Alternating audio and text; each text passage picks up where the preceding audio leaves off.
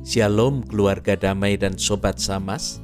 Sapaan damai sejahtera hari ini berjudul Tanah yang manakah Anda? Untuk mempelajarinya mari kita memohon pimpinan Roh Kudus dalam doa. Bapa, kami bersyukur atas anugerahmu yang senantiasa menaburkan benih firman dalam kehidupan kami.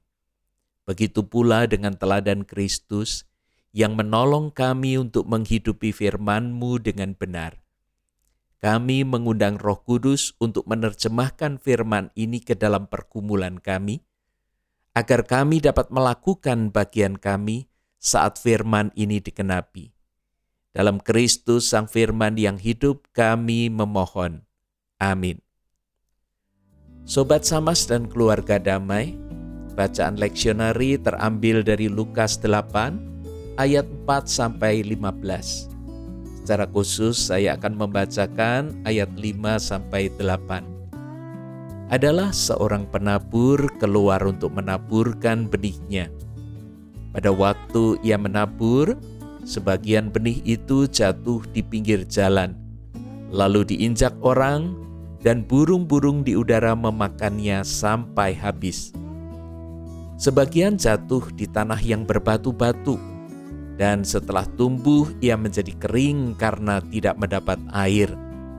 Sebagian lagi jatuh di tengah semak duri, dan semak itu tumbuh bersama-sama dan mengimpitnya sampai mati. Dan sebagian jatuh di tanah yang baik, dan setelah tumbuh berbuah seratus kali lipat. Setelah berkata demikian, Yesus berseru, Siapa mempunyai telinga untuk mendengar, hendaklah ia mendengar. Sobat Samas dan keluarga damai, begitu banyak orang berbondong-bondong mengikuti Yesus. Mereka mendengarkan pengajaran Yesus. Lalu mengapa Yesus menyampaikan perumpamaan tentang penabur ini? Bahkan dia berseru, siapa mempunyai telinga untuk mendengar, hendaklah ia mendengar.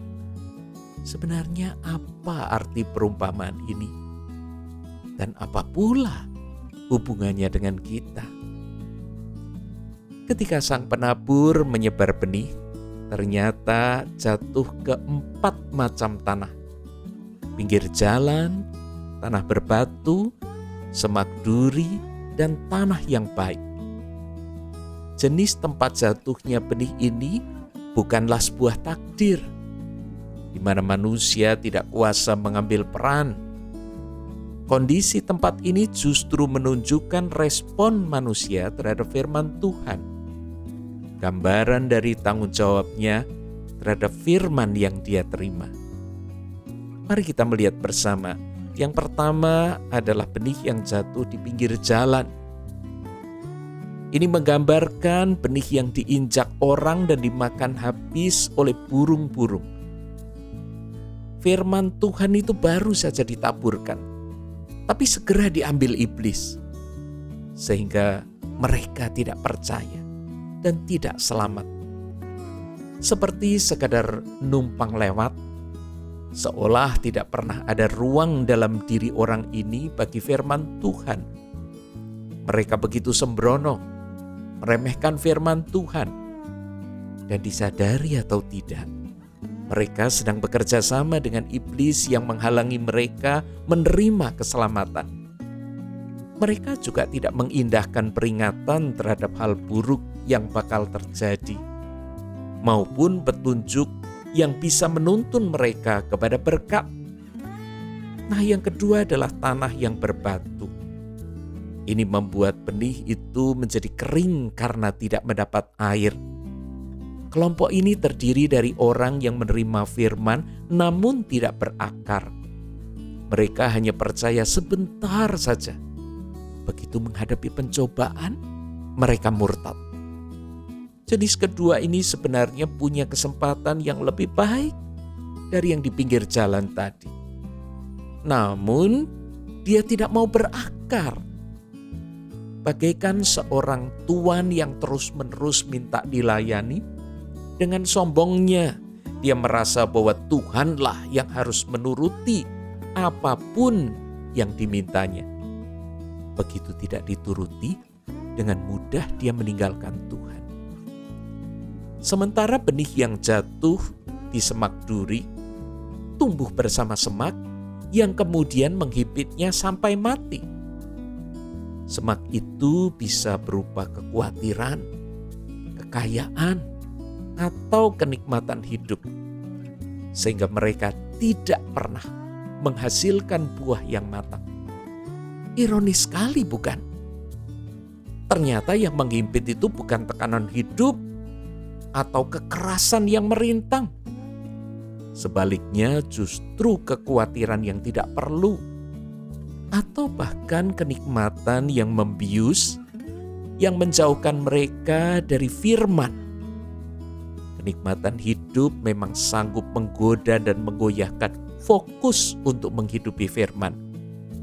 Karena itu, kadang-kadang sesuatu yang membuat kita terlena tadi, yang membuat kita menjauh dari Tuhan itu sengaja diambil oleh Tuhan. Dan jika kita segera sadar, maka kita akan selamat. Paling ideal tentunya saat benih itu jatuh di tanah yang baik. Benih itu akan tumbuh dan berbuah seratus kali lipat hanya orang-orang yang menyimpan firman itu dalam hati yang akan berbuah dalam ketekunan. Kadang orang lain berpikir, takdirlah yang membuat seseorang itu punya tanah yang subur ya atau jadi tanah yang subur. Hidup yang nyaman, iman yang kuat.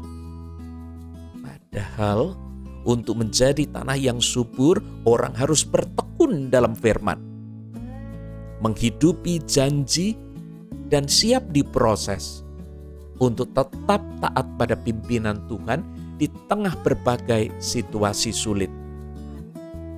Tanah yang baik adalah tanah yang siap dikemburkan, dipacul, dipupuk, disiram, hingga keasaman, kesesuaian kadar air, dan berbagai unsur yang diharapkan dapat terpenuhi. Sobat Samas keluarga damai ayat yang ke-10 menolong kita untuk berefleksi. Apakah kita ini termasuk orang yang diberi karunia untuk mengetahui rahasia kerajaan Allah atau sekedar menerima perumpamaan saja sehingga sekalipun memandang tidak melihat, sekalipun mendengar tidak mengerti firman Tuhan terus ditaburkan dalam hidup Anda. Namun sikap dan respon Anda terhadapnya menggambarkan tanah macam manakah Anda. Jangan pernah menukar firman dengan apa pun, apalagi membuangnya. Jangan membiarkan siapa pun mengambil benih itu dari hidup Anda. Sekali Anda kehilangan, Anda tidak akan pernah bisa memilikinya lagi. Anda siap untuk menjadi tanah yang baik? Bayarlah harganya dengan sukacita, semangat, dan penuh tanggung jawab. Karena untuk tumbuh dan berkembang, benih membutuhkan tanah yang gembur, air yang cukup, ruang untuk berakar dan bertumbuh. Tanaman yang berakar kuat tidak akan tumbang begitu saja oleh angin Tumbuhan yang sehat dan terawat baik tidak akan mudah diserang hama. Bahkan dia akan terus berkembang dan berbuah lebat.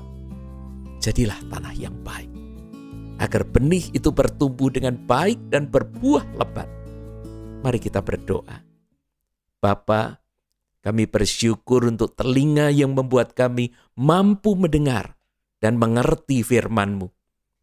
Buatlah kami bertanggung jawab dalam menghidupi firman-Mu, agar keselamatan itu tidak diambil dari hidup kami, dan kehadiran kami dapat menjadi berkat bagi sesama.